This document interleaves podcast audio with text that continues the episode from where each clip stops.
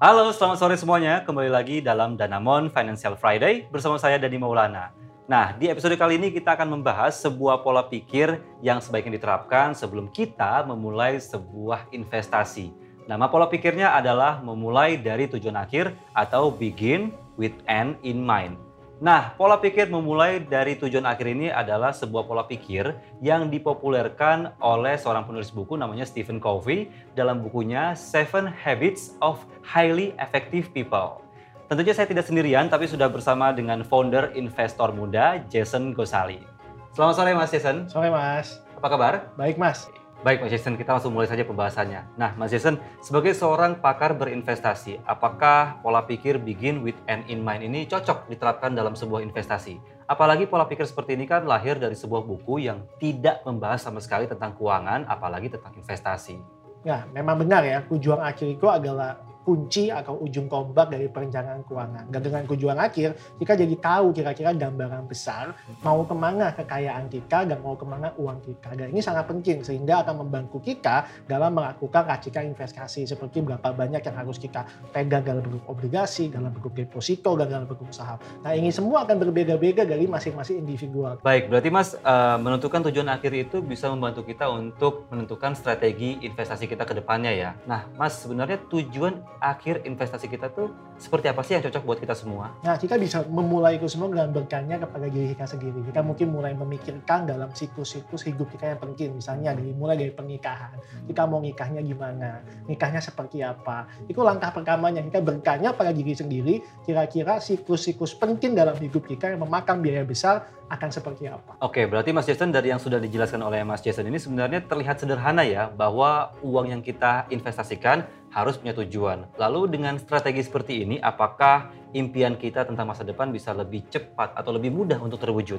Ya, memang nampaknya kelihatan sederhana, tapi yang namanya kehidupan berinvestasi itu sederhana, tapi tetap butuh komitmen yang besar. Makanya kita sangat penting mempunyai tujuan akhir. Tujuan akhir akan membuat kita bertahan di dalam rencana investasi dan keuangan kita. Investasi itu buku waktu yang sangat panjang. Nah tentunya kita akan bisa bosan atau capek di tengah jalan. Nah, dari Mas Jason sendiri apakah ada tips Mas agar uh, investasi kita itu bisa sampai di tujuan akhir? Nah, rahasianya adalah kita harus menuliskannya secara spesifik dan bisa dijelaskan dalam bentuk angka. Karena kalau tidak spesifik, kita akan kesulitan menentukan tujuan keuangan kita. Contoh, misalnya saya punya tujuannya, saya ingin kaya kaya itu kan sangat nggak spesifik. Bagi saya mungkin kaya satu miliar, tapi bagi orang lain kaya itu bisa aja 10 miliar. Saya ingin bahagia, itu lebih lagi nggak spesifik. Karena bahagia bagi saya mungkin jalan-jalan ke luar negeri setiap hari. Tapi bahagia bagi orang lain adalah cukup makan pagi, siang, dan malam. Oke, jadi intinya harus spesifik ya Mas ya. Nah, setelah kita menentukan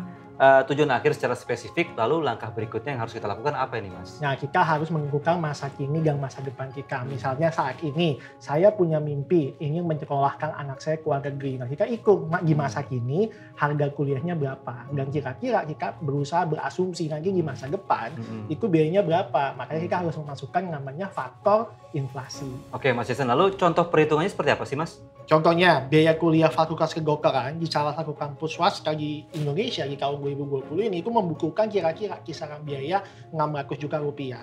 Nah, kita asumsi saja bahwa setiap tahun itu ada kenaikan biaya pendidikan atau inflasi sebesar 10% per tahun. Maka kira-kira 15 tahun dari sekarang atau tahun 2035, kita buku biaya sebesar 2,5 miliar rupiah untuk mengambil kuliah di salah satu fakultas kedokteran swasta. Nah, ini baru satu kaget keuangan saja. Biasakan untuk memiliki beberapa kaget keuangan lainnya.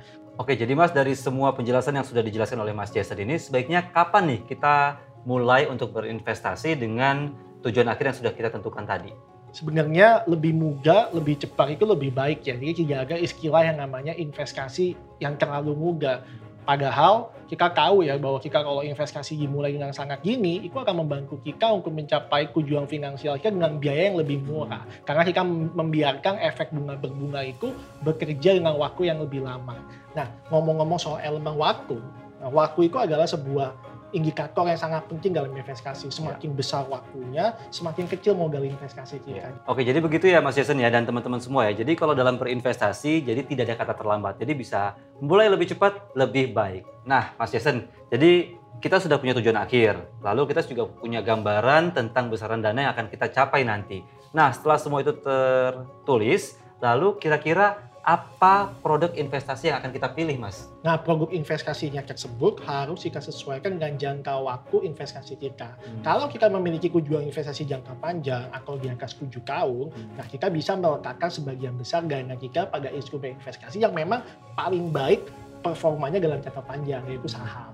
Nah, kalau kita punya tujuan menengah 3 sampai 5 tahun, itu kan tentunya kepastiannya harus lumayan tinggi. Jadi kita juga bisa mengaruh cukup banyak uang di instrumen yang sangat beresiko seperti saham. Nah, bagaimana cara kita mengatasinya? Kita bisa melakukan seperti melekatkan 50% dari dana kita pada reksadana campuran atau obligasi, lalu 25% sisanya jika letakkan pada investasi falas, dan baru sisanya 25% jika letakkan pada saham, karena saham masih mengandung resiko fluktuasi dalam jangka pendek. Wah, terima kasih banyak Mas Jason ya. Diskusinya ini mencerahkan kita semua ya teman-teman ya. Jadi kita jadi tahu bagaimana caranya menentukan investasi kita ke depannya. Terima kasih sudah menonton episode kali ini bersama saya Dani Maulana dan founder investor muda Jason Gozali.